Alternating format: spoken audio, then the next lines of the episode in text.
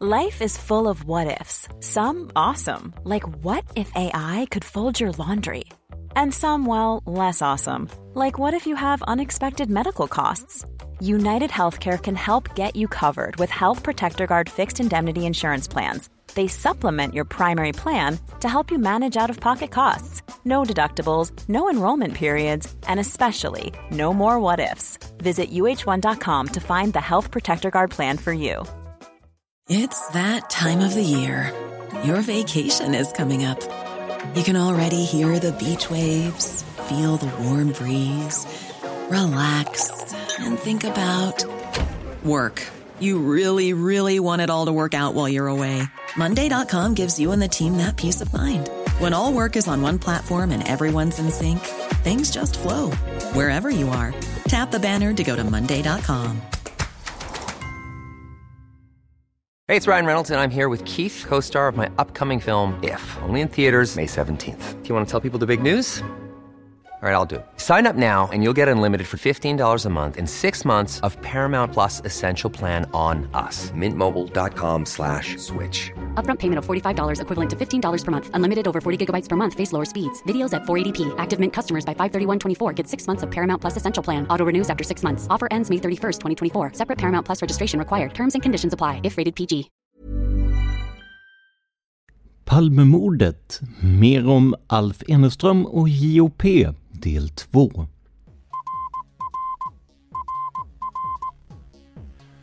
Sveriges statsminister Olof Palme är död. 90 000. Ja, det är mord på Sveavägen. Hörde de säger att det är Palme som är skjuten. Mordvapnet med säkerhet är en Smith Wesson, en revolver kaliber .357. Inte ett svar. Det finns inte ett svar. För jag har inget. Och jag har inte bara Varför skulle jag Polisen söker en man i 35 till 40-årsåldern med mörkt hår och lång mörk rock. Välkomna till podden Palmemordet som idag görs av mig, Tobias Henriksson på PRS Media. Som vanligt går det alldeles utmärkt att stötta oss om ni tycker att det vi gör är bra. Det gör du lättast genom att gå in på patreon.com palmemordet och välja en summa som podden får per publicerat nytt avsnitt. Det är alltså patreon.com palmemordet. Görs inga nya avsnitt så dras heller inga pengar. Om du hellre vill göra en engångsdonation, ja då hittar du samtliga sätt att göra detta på i avsnittsbeskrivningen. Idag kommer vi att fortsätta att titta på Alf Eneström och JOP i det omtag som vi gör på det här spåret. Och en av våra lyssnare kom med en högst rimlig kommentar och det gäller numreringen av avsnitten. I och med att vi gjort avsnitt tidigare om Alf och Gio så borde väl inte det förra avsnittet i ämnet vara nummer ett. Och det är ju en logik som inte går att säga emot, men jag ska förklara hur jag tänkte. I och med att vi i de här avsnitten presenterar ny information om Alf och Gio ville jag ge avsnitten en egen serie skilt från den förra. Men det blir såklart rörigt när titeln på avsnitten är de samma. Så från det här avsnittet kommer serien att heta Mer om Alf Eneström och JOP istället. Då blir det i alla fall lite lättare att särskilja dem från den ursprungliga serien som Dan gjorde. Som jag sa i förra avsnittet så är anledningen till det här omtaget dels att vi har hittat en hel del ny information, dels att vi hoppas kunna sända intervjun med Alfs vän David Fredin inom kort. Den intervju som gjordes på Palmemordskonferensen i våras, men som kom att bli liggande på grund av mina hälsoproblem under våren och sommaren. I förra avsnittet tittade vi mer på Alfs opinionbildande och hans egna texter, inte minst från tidskriften Kontra. Vi kommer att fortsätta på det spåret även idag, men också få en del annan information som i mångt och mycket inte kommit fram tidigare. För efter att mitt förra avsnitt i det här ämnet gått ut blev jag kontaktad av en lyssnare som tipsade om boken Bilder av Tynningö. Det låter möjligen inte som en bok som skulle kunna ge uppslag i det här ämnet, men ibland dyker information upp på de ställen där man minst väntar sig det. Så var fallet här. Alf Eneström förekommer på ungefär fem sidor och en del av informationen vi hittar där har i alla fall inte jag sett tidigare. Mitt andra nya spår i det här ämnet, som har tagit upp mycket tid, är de brev som Alf Eneström skickade till Astrid Lindgren. Som jag sa i förra avsnittet finns det inget som tyder på att Astrid svarade på breven och därmed faller Alfs påstående om att Lindgren sponsrade hans kamp mot Olof Palme. Men breven kan i sig vara intressanta för att se hur Alf resonerade kring tiden 1976-1977 som breven är ifrån. På Kungliga biblioteket finns en stor mängd brev till och från Astrid Lindgren sparade, inklusive de från Alf. Givetvis ville jag ta del av dessa, men det krävde tillstånd från de som donerat breven, det vill säga Astrid Lindgrens efterlevande och förvaltare av hennes verk. Efter ett positivt besked från Astrid Lindgren AB, där jag fick det efterfrågade tillståndet, gjorde jag en begäran hos KB att få ta del av materialet. När det här spelas in väntar jag på att få själva breven skickade till mig som digitala filer och vi kommer såklart att hålla er uppdaterade om vad som står där. Så vitt jag vet så är vi de första som mer ingående följt upp det här spåret och därmed också fått ta del av breven. Jag vill rikta ett stort tack till Astrid Lindgren AB för det här förtroendet. Men som sagt, låt oss backa bandet till där vi slutade sist. Året är 1985 och det är mindre än ett år till dess att Olof Palme kommer att mördas. Alf är en flitig skribent och debattör i tidningen Kontra som nyligen hade recenserat hans bok Vi fällde regeringen del 2. Den här recensionen kan ni höra i sin helhet i förra avsnittet om Alf. Men Eneström är inte riktigt nöjd med hur boken framställs utan skickar in en insändare som ett svar på nämnda recension. Citat. Rubrik Vi fällde regeringen. Recensenten av vår bok Vi fällde regeringen del 2 har bara fattat halva poängen med vår agitationsskrift. Vi vill självfallet peka på massmedias svek i den politiska debatten under den borgerliga regeringsperioden. Vi kan inte tro att landets journalister var så dumma att de inte såg att borgarna förde en arbetarvänlig politik medan Palme och gänget jobbade i motsatt riktning.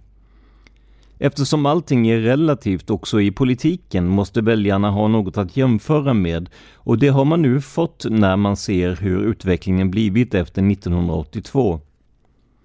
Men journalister och väljare är inte samma sak, lika lite som läkaren och patienten är samma sak. Patienten upptäcker om hon blir friskare eller sjukare, men kan inte i förväg avgöra vilken läkare som är den bästa för henne. Detta kan emellertid läkarkåren vanligtvis avgöra. En läkarkår och en journalistkår som skickar ut falska signaler till allmänheten kan således jämställas. Att påstå och påvisa detta är den ena poängen. Den andra poängen med vår bok som skrevs hösten 1983 är att det var framförallt två saker som avgjorde det borgerliga misslyckandet och Palme var intensivt inblandad i båda. Ja, han lurade helt enkelt Fälldin och Boman med Ullstens hjälp.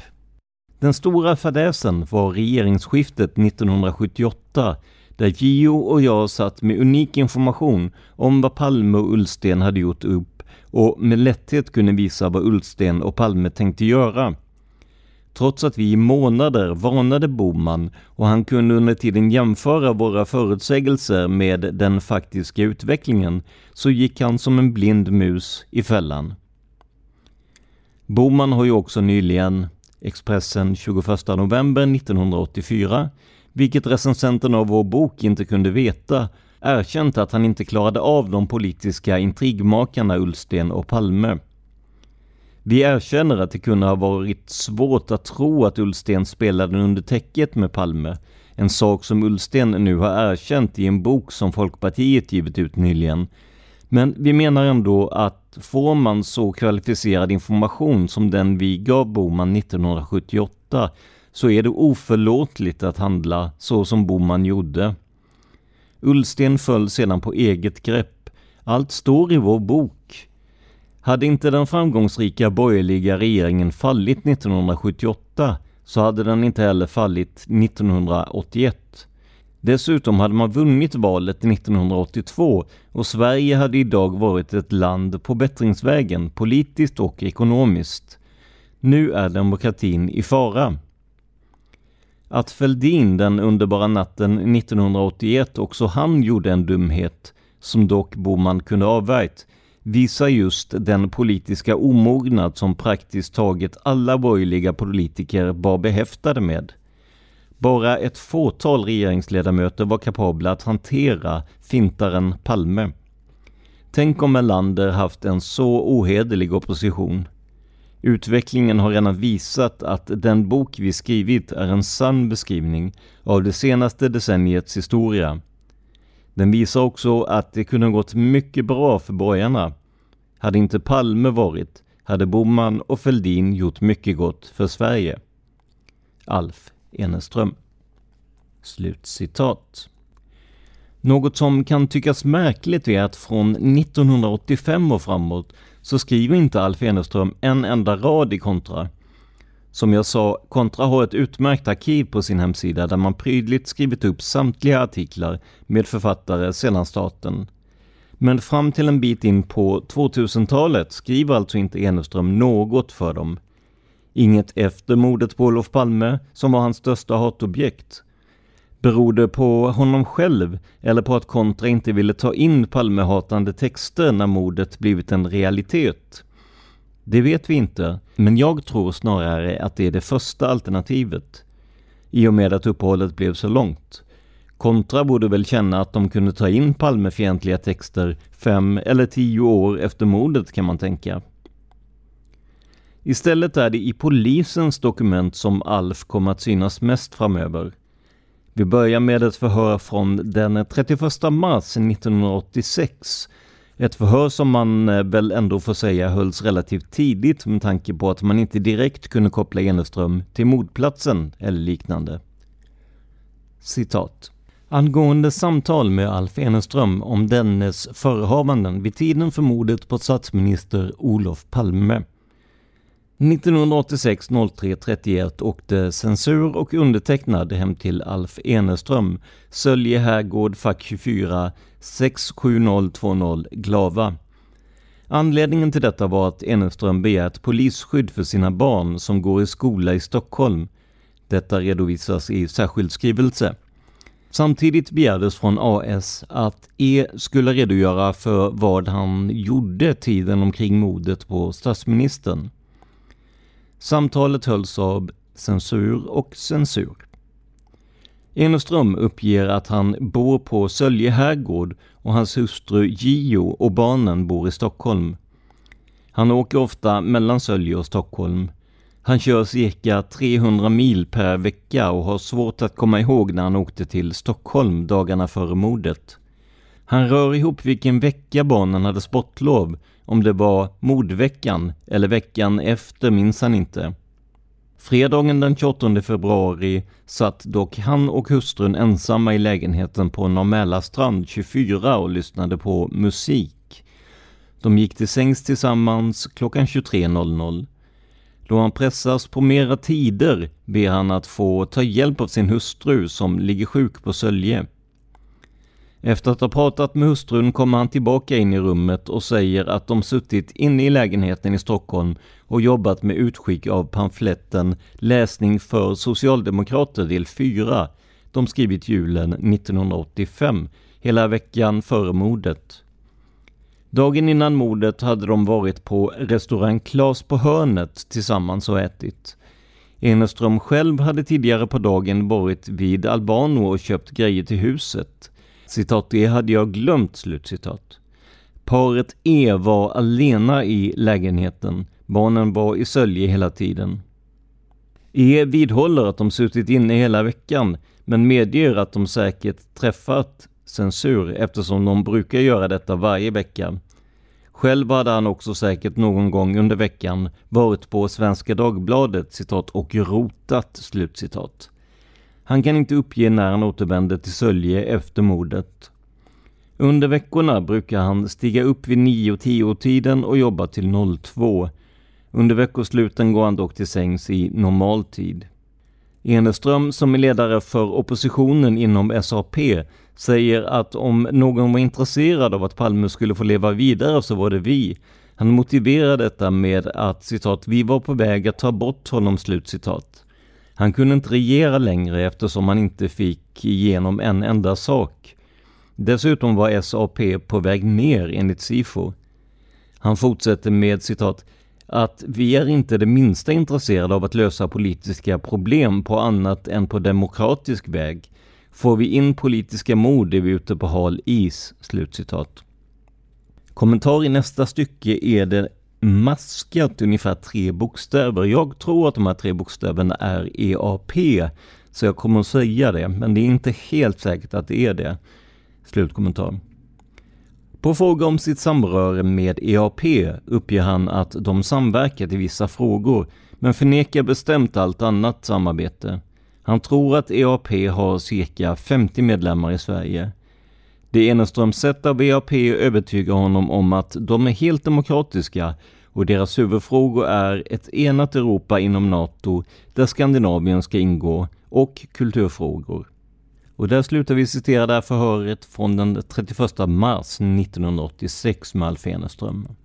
För att få en begriplig kronologi i förhören kommer vi att gå över till ett dialogförhör med JOP som hölls den 5 augusti 1987. Det ironiska i sammanhanget är att Alf får anses vara mest misstänkt för inblandning i mordet, men samtidigt är det Gios förhör som är mest uttömmande. Kanske kan man misstänka att det beror på att Alf gärna svävade ut i saker som inte direkt hade med mordet att göra. Men som sagt, Gios förhör här är viktigt i och med att Alf förhörs någon vecka senare. Så för att få en helhetsbild citerar vi Gios förhör först. Citat. FA, förhörsledare Andersson. FK, förhörsledare Kjellson. JO, Birgitta M. Mia Maria Norberg. Kommentar. Här kallar man alltså Gio för Birgitta M. Den enda anledningen jag kan finna till det är att hon egentligen heter det, men kallar sig Gio. Vilket är en ny uppgift för mig i så fall. Slutkommentar. Alf, som nämns i förhöret, är Alf Eneström. FK.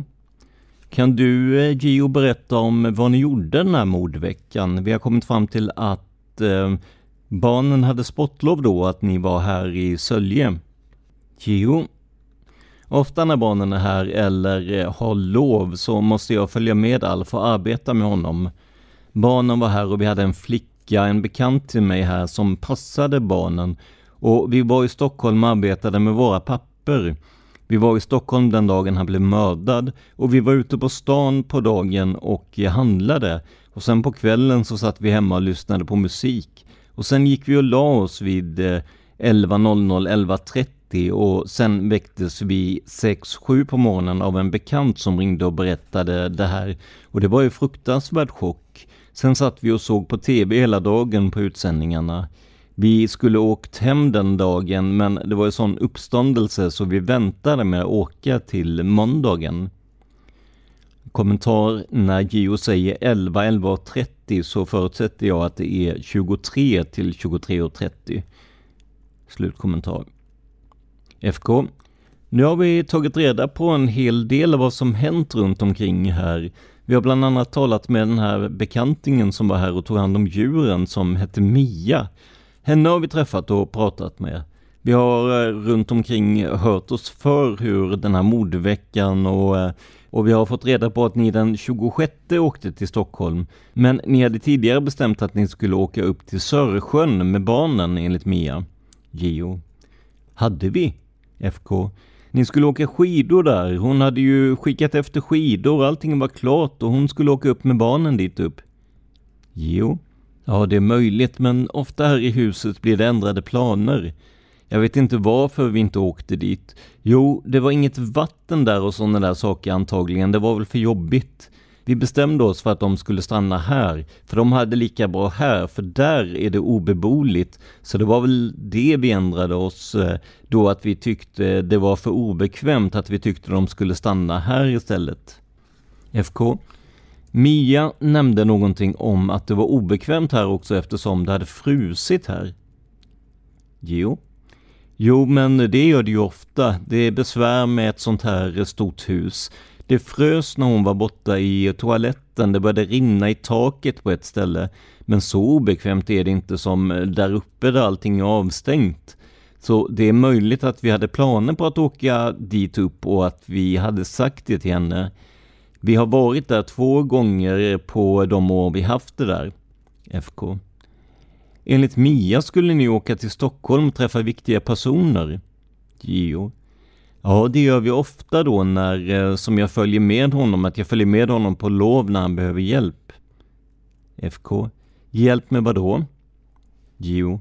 Alla papper sköter jag till exempel. Räkningar och utskrivningar och om vi behöver gå ut med någonting som vi ska skicka ut till våra sympatisörer till exempel sådana här eh, som du säkert har sett som vi skickar ut upplysningar eller pamfletter eller vad det är vi skickar ut till alla de i Sverige som sympatiserar med oss. FK. Hur åkte ni till Stockholm? Jo, vi åkte säkert bil för det gör vi oftast. FK. Vilken bil hade ni? Jo, det kommer jag inte ihåg. FK. Kommer ni ihåg vilka bekanta ni träffade? Jo. Nej, det kommer jag inte ihåg heller. Vi, vi åkte för att träffa farmor och mormor. Jag minns inte att vi träffade några särskilda. Då måste jag nästan titta i min bok.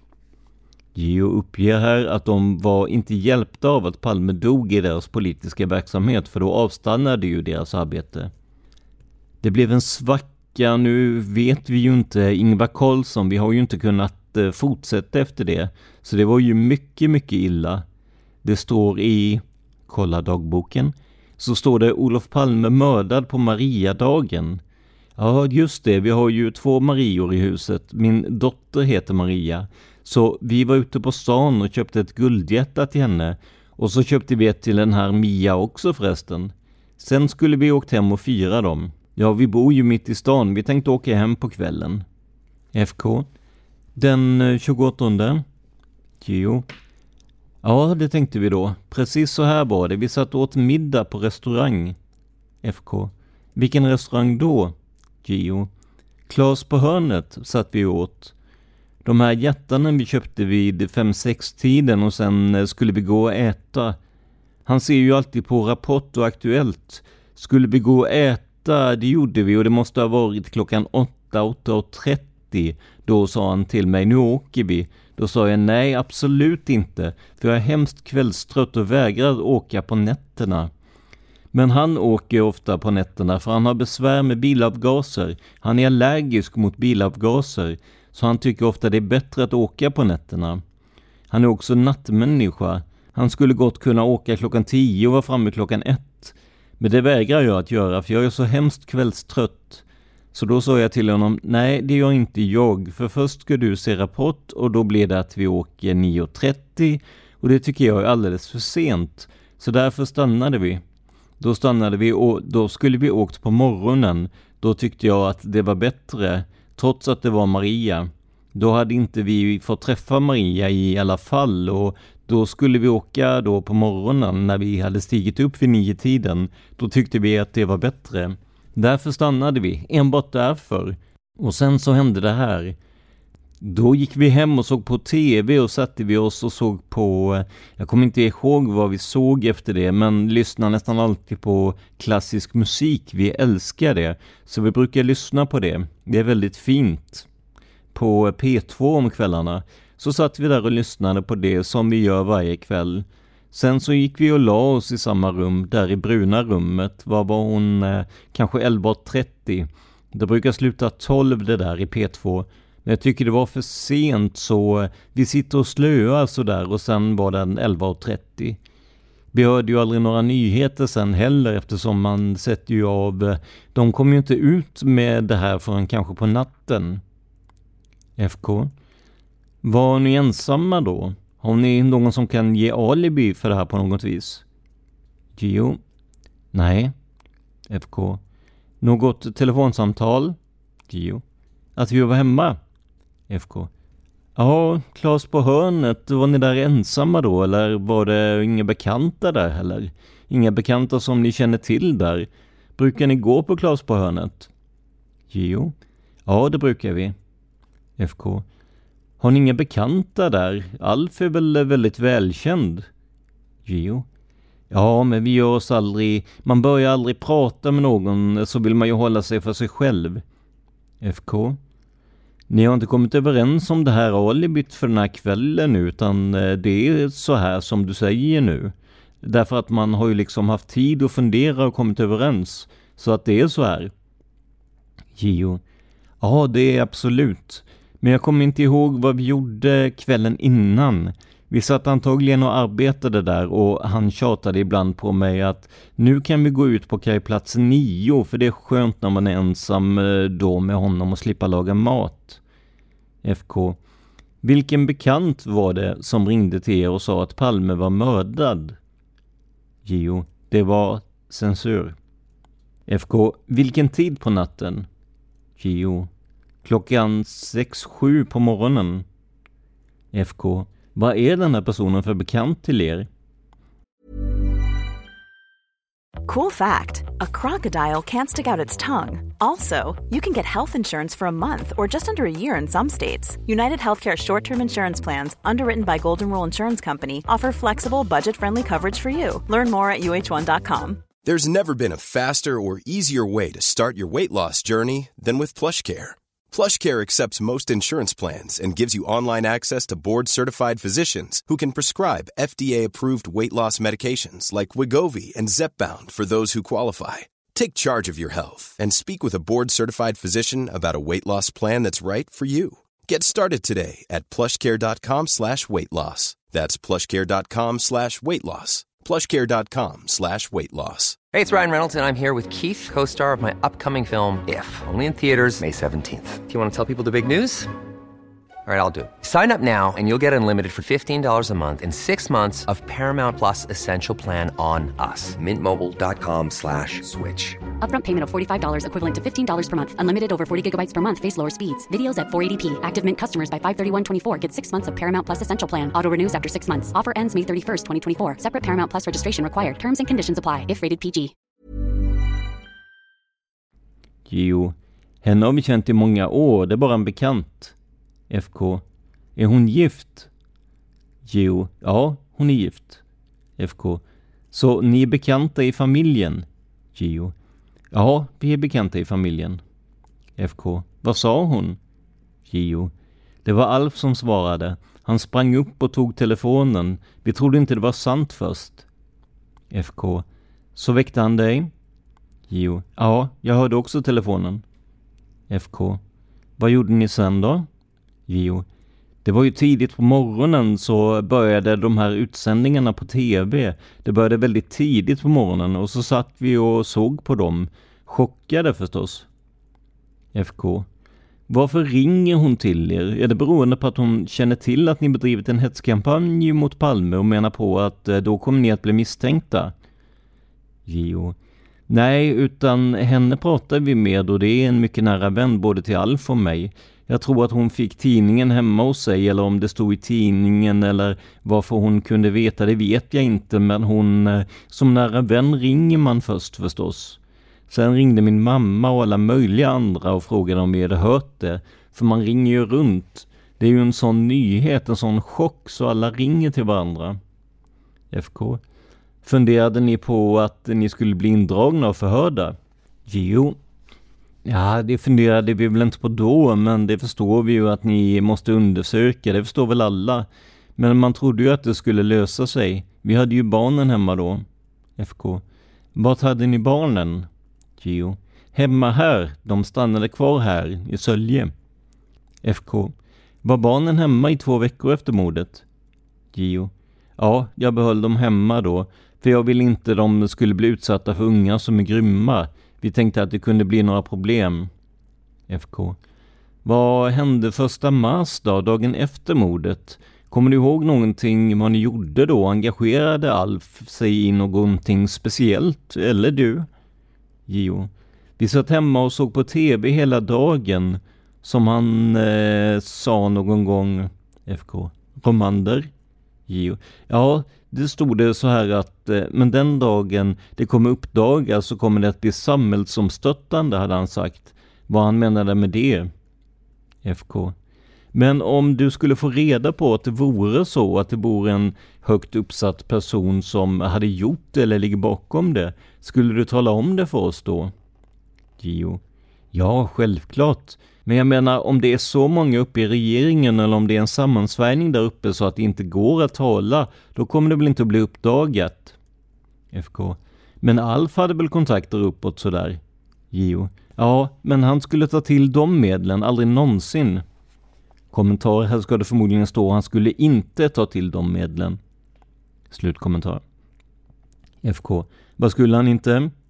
JO. Ta till sådana metoder och medel som mord. Det löser absolut ingenting, det blir precis tvärtom. FK. För er blev det tvärtom. JO. Ja, för alla blir det tvärtom. Det löser ingenting om mördaren eh, och i vårt land om de gör det där nere, de där galningarna i Iran och Irak. FK. Lördagen den första mars, kan vi fortsätta där? Jo.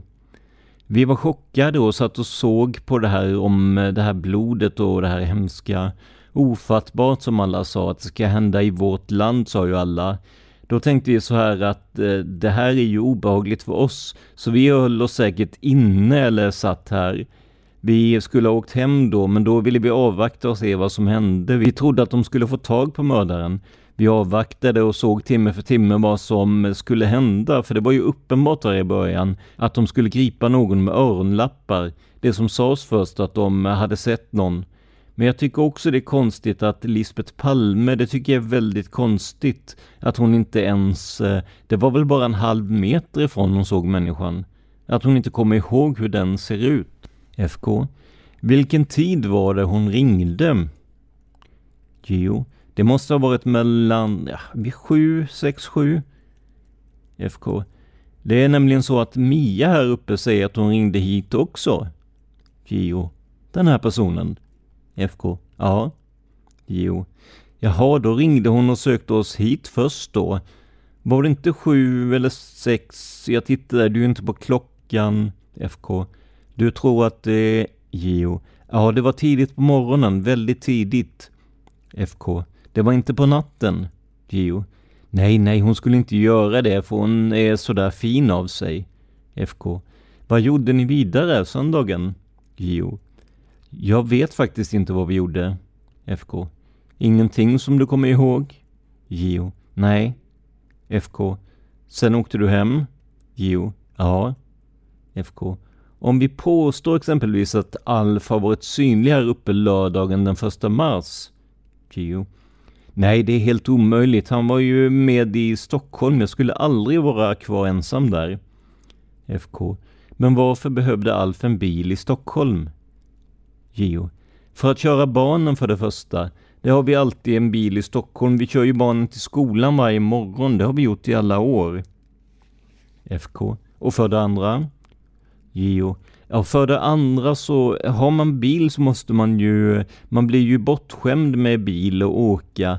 Vi har alltid, framförallt för att köra barnen, de går på olika ställen och vi har alltid satt säkerheten när det gäller barnen högt.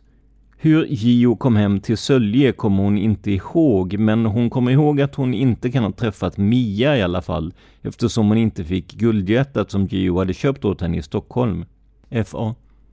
Besök första mars på lördagen? Jo. I Stockholm? FA. Ja. Jo. Ja, kanske. FK.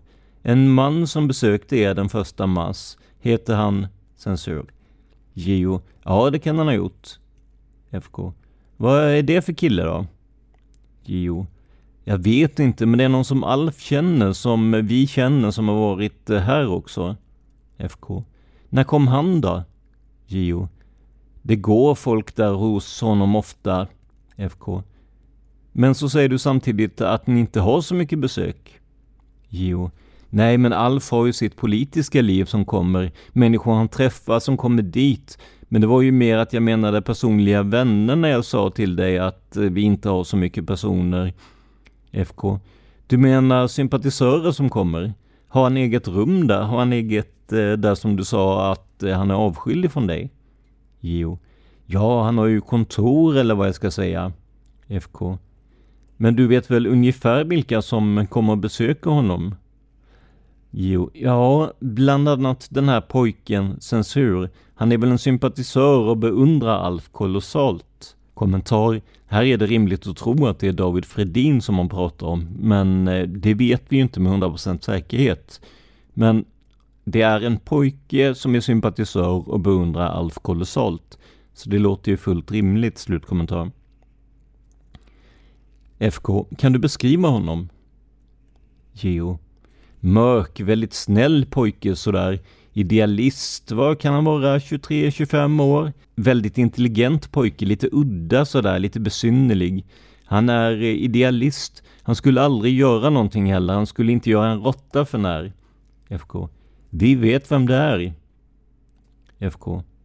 Den första mars alltså? Jo. Ja, jag kommer ihåg att han kom någon dag där och pratade och alla pratade om mordet. Det gjorde alla antagligen. Satt en stund och, eh, ska jag inte säga, men Alf tycker han är lite jobbig. När Gio fått lite betänketid efter det att hon fått höra Mias berättelse angående bilarna, så berättar hon att då måste den ha varit så att de tog två bilar härifrån Sölje. Hon körde folkvagnsbussen och Alf körde Volvo 264. Sen åkte de till Grums och där garagerade de Volvon i ett garage för att Alf ville gärna ha den bilen så som reserv stående där och sedan åkte de tillsammans med folkvagnsbussen till Stockholm. Sedan får JO en fråga om någon av alla dessa medlemmar på 50 000 inom oppositionen inom socialdemokratin skulle kunna ha utfört det här mordet. Någon tokskalle som vi nämner. På detta svarar hon att det kan man ju aldrig gardera sig emot, men hon har inte talat om någon, eller någon yngre man som skulle vara liksom så engagerad i politiken och samtidigt varit i samtal med Alf. FA. Palmes tid som statsminister var... Um, han skulle tvingas avgå på grund av siktande politiskt förtroende.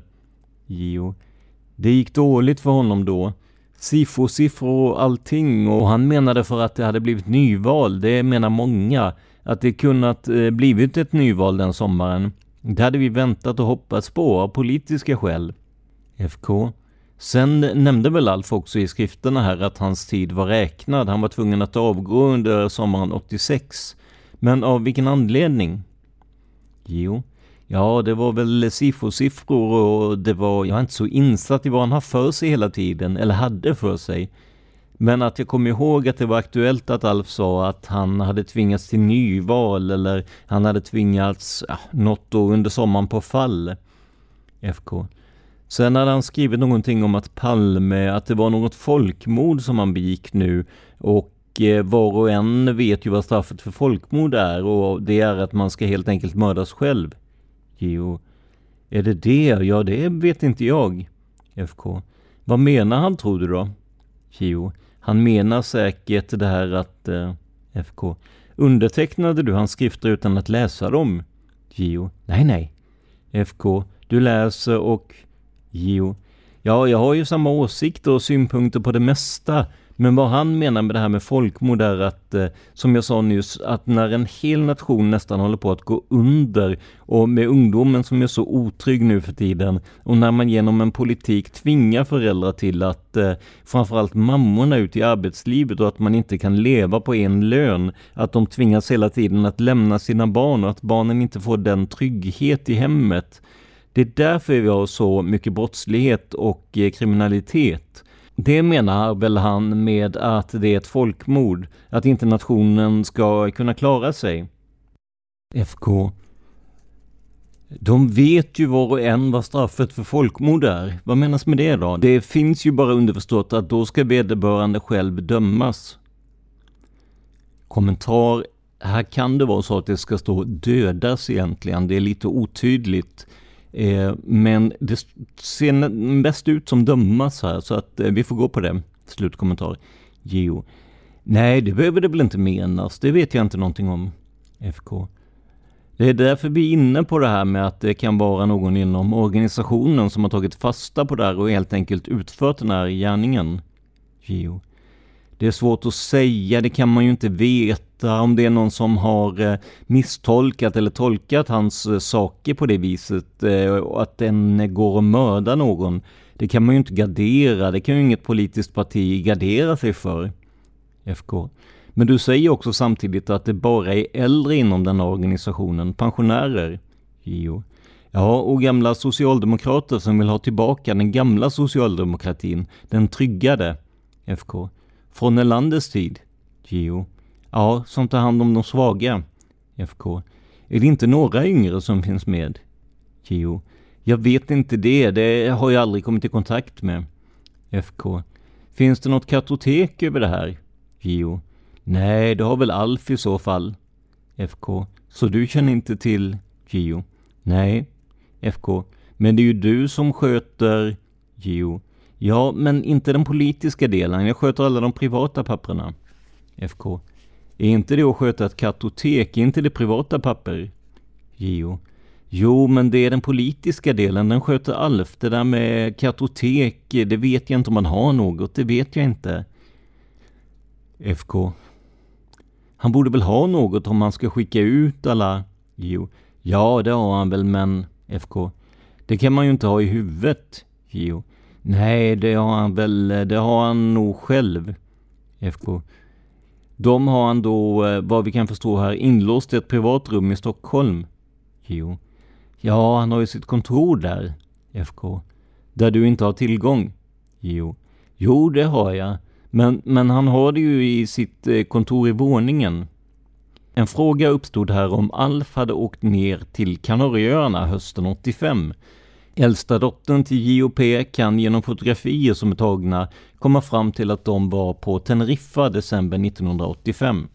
FK. Det var nämligen så att det var en 33-åring som blev misstänkt för mordet som hette Gunnarsson, Vic Gunnarsson. Gio. Hette han det, den där som det stod om i tidningarna? FK. Ja. Har du på något sätt, eh, känner du till honom? Gio. Nej, jag känner inte till honom. FK. Att han var med i eran rörelse på något vis? Gio. Nej, jag tror inte Alf eh, heller vet eh, att han heter Gunnarsson, för det har inte stått någonstans. FK. Jo, det har det. Det har varit bild på honom i tidningarna också. Gio. Men inte de tidningarna vi har läst, det hade jag ingen aning om. FK. Inte? Geo. Nej, det stod att det var någon bild som blev FK. Jo, men namnet har stått också. JO. Det har inte jag sett. Jag kan ju inte svara på allt. FK. Det här är en person som är mycket udda och han är med i olika organisationer och vill vara med överallt. EAP och sådär. Apropå EAP, känner du till något om EAP? Gio. Ja, det gör jag ju. FK. Där har ni ju varit eh, engagerad. Gio. Det är som eh, Johan säger, Alf är inte med i EAP, visst fan är han det, säger han. Men han är alltså inte medlem i EAP, Alf, utan han känner de där människorna. De har väl, eh, vad heter han nu, han som flyttade till Amerika, han som dog här nu, den där tjocka, inom parentes, Johan gårdskarl till och från vid herrgården. FK. Johan? Frågetecken. Jo. Ja, just det. De drev några frågor, Alf och han. Jag vet inte vad det gällde direkt, men de åkte runt och pratade om någonting. FK. Det var nämligen så att vi fick reda på att han skulle resa till Amerika, Alf, vid något tillfälle och att det skulle handla om EAP. Gio. Nej, det tror jag inte. FK. När då han i Göteborg kom i kontakt med polisen på grund av att det var någon telefon på Liseberg och sådär. Det blev ju polissak av det där. Vad var det? Var inte det EAP eller vad var det för resa? Gio. Nej, inte ett dugg. Vi var med allihopa. FK. Var ni med också? Gio. Hur kan man få för sig? Eh, du ser, det är inte klokt. FK. Jo, men eftersom det är en polissak så bryr Gio. Nej, jag ska tala om precis hur det var.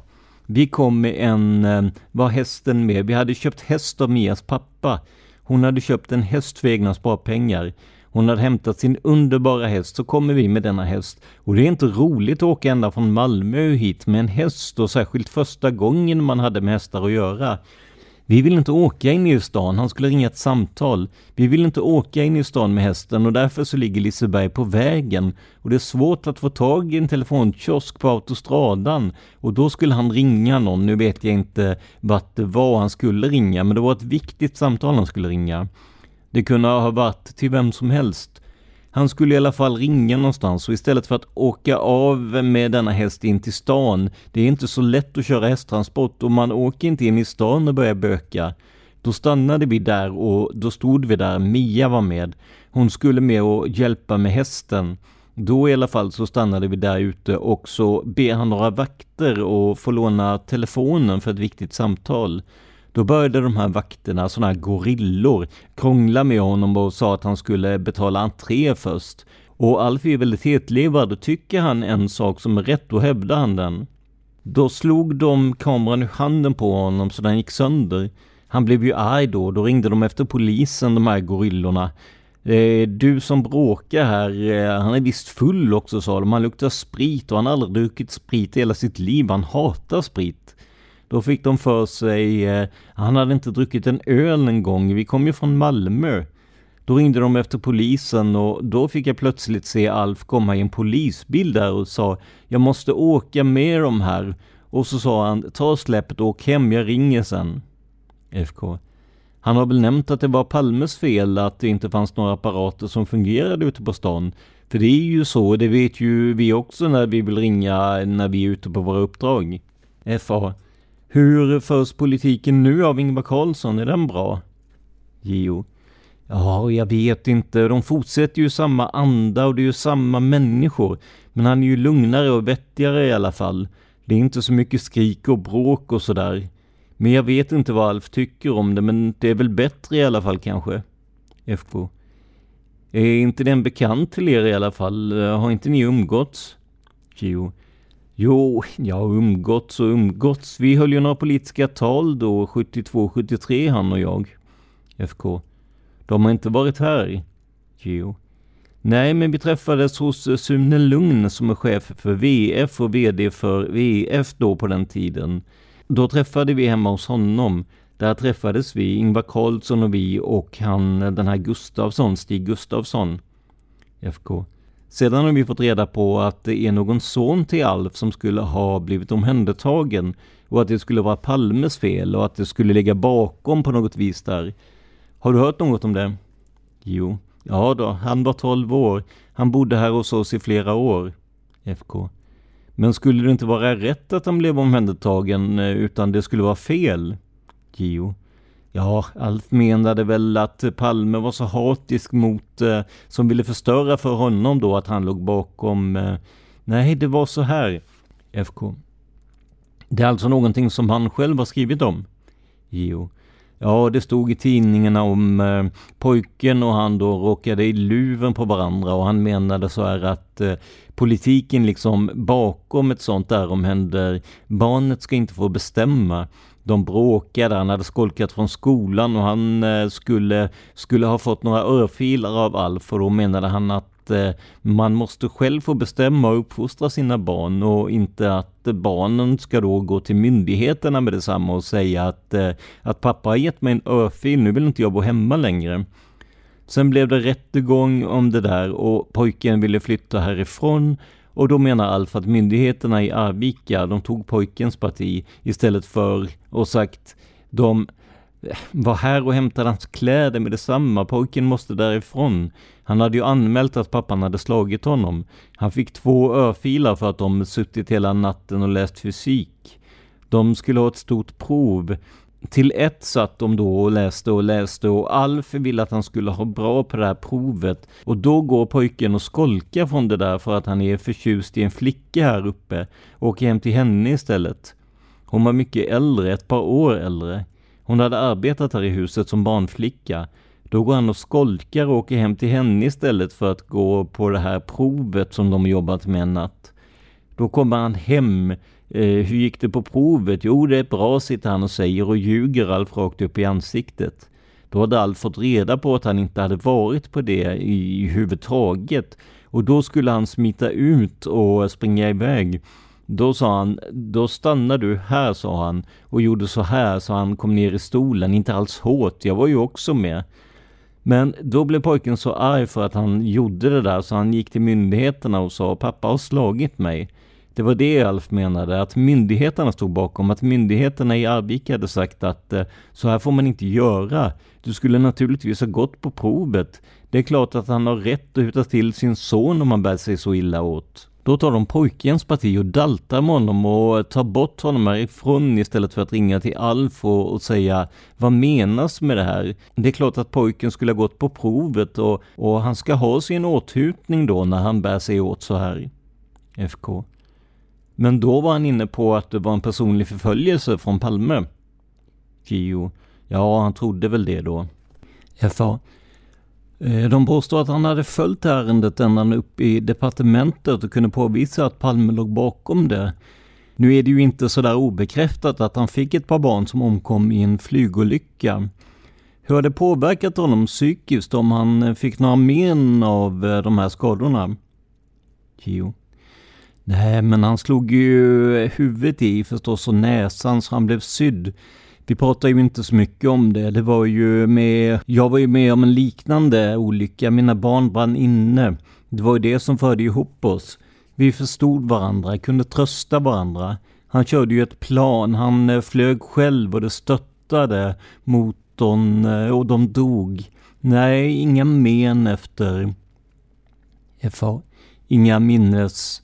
Jo. Nej. FA. Sen har vi hört också några rykten att han inte alltid är så god mot dig heller, att han är ganska hård. Jo. Han har väldigt häftigt humör. Han har ett sånt där sydländskt temperament, men det går över fort. FA. Så ibland kan han vara väldigt aggressiv. Jo. Ja, det kan väl alla människor om det är något som går tokigt. Men det är ju bättre att det går över fort än att det är någon som är tjurig, det är det värsta jag vet. Det blåser upp och sen lägger det sig, men det är ju inte så ofta. Han är ingen sån där huslig typ som hjälper mig att städa och sånt där. FK. Sen marktjänsten när det gäller politiken, vad gör du då när det gäller hans politik? Skrifterna och allt det här? Jo. Han sköter allting. FK. Du är inte kontorist i det här? Geo. Ja, nja, sådär viker ihop kuvert och sådär. Vi pratar ju igenom allting om det kommer upp som undantagslagen och sånt där. Så jag är inte främmande för hans idéer och sådana saker. Det är jag som gör utskrivningar eh, till alla tidningar. FK. Det börjar här med att det sades ju att ni skulle träffa betydande personer. Ni skulle åka på uppdrag till Stockholm. Men eh, vi har inte hört eh, vilka betydande personer. FA. Utelämna text. Stockholm. Ni talade inte ens om för Mia vart ni skulle åka. FK. Ni skulle åka på uppdrag och träffa viktiga personer, men vi har liksom inte fått den uppfattningen om vart ni skulle åka och vad för viktiga personer som censur den 26 skulle åka till. Kommentar här är två eller tre bokstäver maskade. Det vore väldigt konstigt om de hade maskat Alf med tanke på att de har nämnt honom tidigare i dokumentet. Likadant gäller Mia. Så att eh, det lär inte vara någon av dem i alla fall om det inte är en okynnesmaskning så att säga. Slutkommentar. Gio. Vi sa ju inte någonting till den här lilla flickan som var här och skulle passa barnen. Vi har ju ingen skyldighet att berätta för henne. FK. Men det var tack vare att den här resan till Sörsjön blev avbruten så fick hon en förklaring på det. Var det påhittat det där? Geo. Ja, han kanske träffade några, det sa vi kanske också, jag vet inte. Men det var ju inget som jag ens minns att vi skulle ut. Vi kanske sa det till henne. Jag vet inte varför vi sa så. FK. Då har han varit ute och träffat personer utan din vetskap. Gio. Ja, det kan han ha varit. Vi sa väl det för att vi skulle ha någonting att säga för att resan blev avbruten till Sörsjön.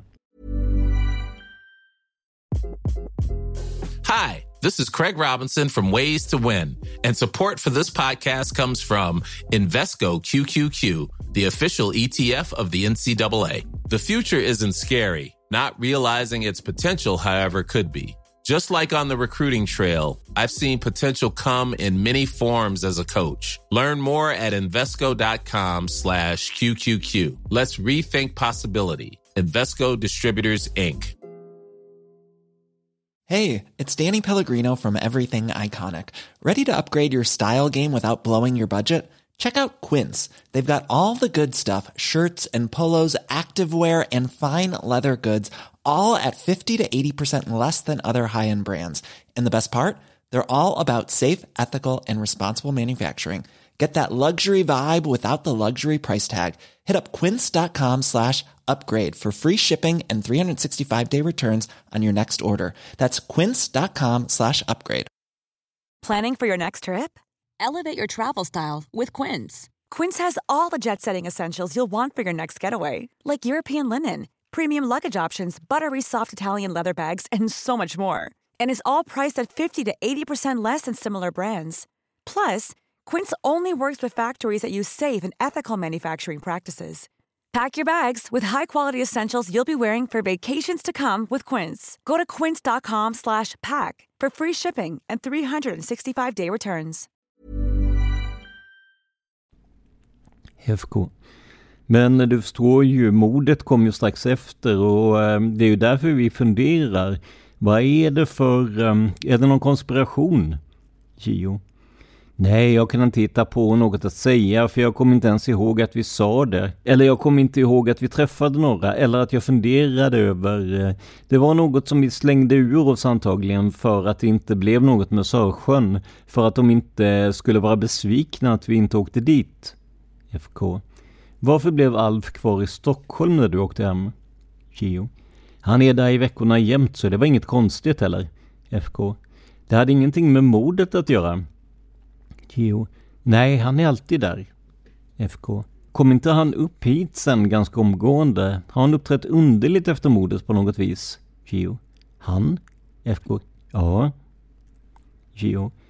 Nej, det var en helt vanlig resa till Stockholm som alla de andra vi brukar göra. Om vi sa något till henne, FA, blev hon besviken? Geo.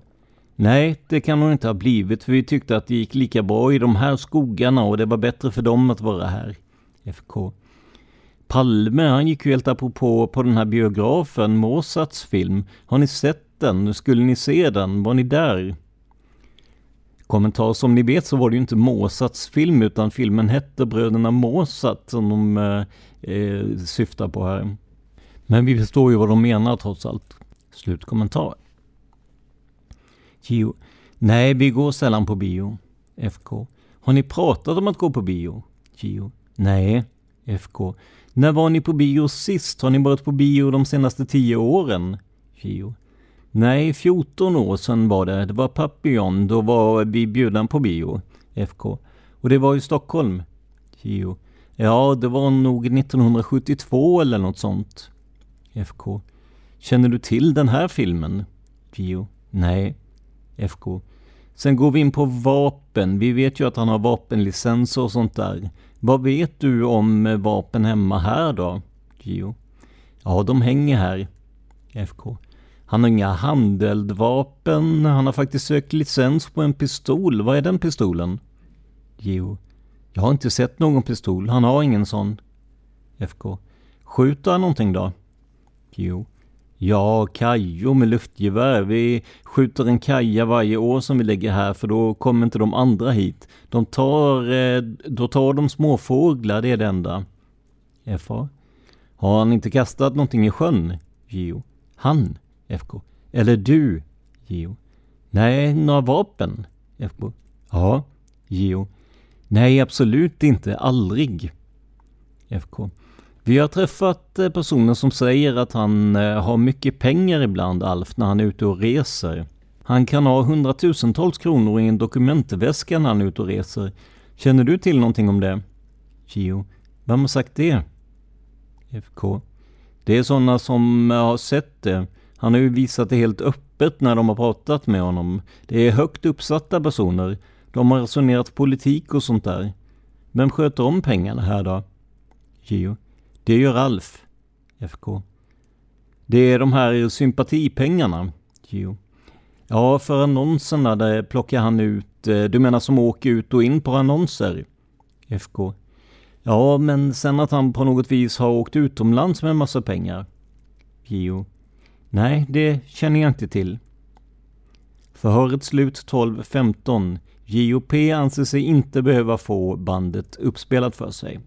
Och där slutar vi citera det här väldigt mastiga föret med JOP. Ja, som ni hör är mycket oklart om vad som hände eller inte hände veckan och dagarna runt mordet. Gio säger sig inte riktigt veta eller minnas och erkänner att man har ljugit, eller i alla fall friserat sanningen, när de citat bara slängde ur sig slutcitat varför resan till Sörsjön blev avbruten. Självklart kommer vi att gräva vidare i det här och också höra vad de båda makarna har att säga närmare nutid om vad som egentligen hände den där ödesdigra natten den 28 februari 1986. Men om vi för en stund bortser från att i alla fall Alf var misstänkt för inblandning i mordet på statsministern kan vi konstatera att det är två djupt olyckliga människor som träffades i en slags själarnas förening. Gio berättar ju att hennes barn blev innebrända och Alfs barn dog i en flygolycka med honom själv i spakarna. Det krävs inte mycket fantasi för att tänka sig att de båda klandrade sig själva för det som hände. Det här kan säkert också till viss del förklara Alfs närmast maniska agerande när hans son fosterhemsplacerades. Ingen skulle få ta hans barn från honom en gång till. Jag säger inte att beteendet är rättfärdigat, men kanske mer begripligt. Hur som helst, i nästa avsnitt fortsätter vi att dyka ner i de här spännande livsödena och vad de två hade för sig runt tiden för Palmemordet. Vad tycker du om dagens avsnitt? Hur ser du på Alfs och Geos historia? Tror du att de är inblandade i mordet? Kommentera gärna i trådarna till dagens avsnitt på Facebook. Vi finns i Studio Palmemordet och Palmerummet. Och om du gillar det vi gör och vill stötta oss ekonomiskt, ja då hittar du alla sätt att göra det på i avsnittsbeskrivningen. Har du synpunkter eller frågor kring podden? Kontakta oss gärna på simwaypodcast gmail.com Alltså z-i-m-w-a-y podcast gmail.com Vi hinner tyvärr inte svara på frågor om själva mordet eller teorier om det, utan hänvisar till Facebookgrupperna. Det här var veckans avsnitt av podden Palmemordet som idag gjordes av mig, Tobias Henriksson på PRS Media. För mer information om mig och mina projekt besök facebook.com prsmedia.se eller gilla oss på Instagram där vi heter prsmedia. Ett ord, små bokstäver. Stort tack till vpu.nu och Palmemordsarkivet för föredömlig information om Alf Eneström. Men framför allt, stort tack för att du lyssnar på podden Palmemordet. Man hittar Palmes mördare om man följer PKK-spåret till botten. Därför att ända sedan Julius Caesars tid har jag aldrig hört talas om ett mord på en framstående politiker som inte haft politiska skäl. Polisens och åklagarens teori var att han ensam hade skjutit Olof Palme. Och det ledde också till rättegång. Men han frikändes i hovrätten.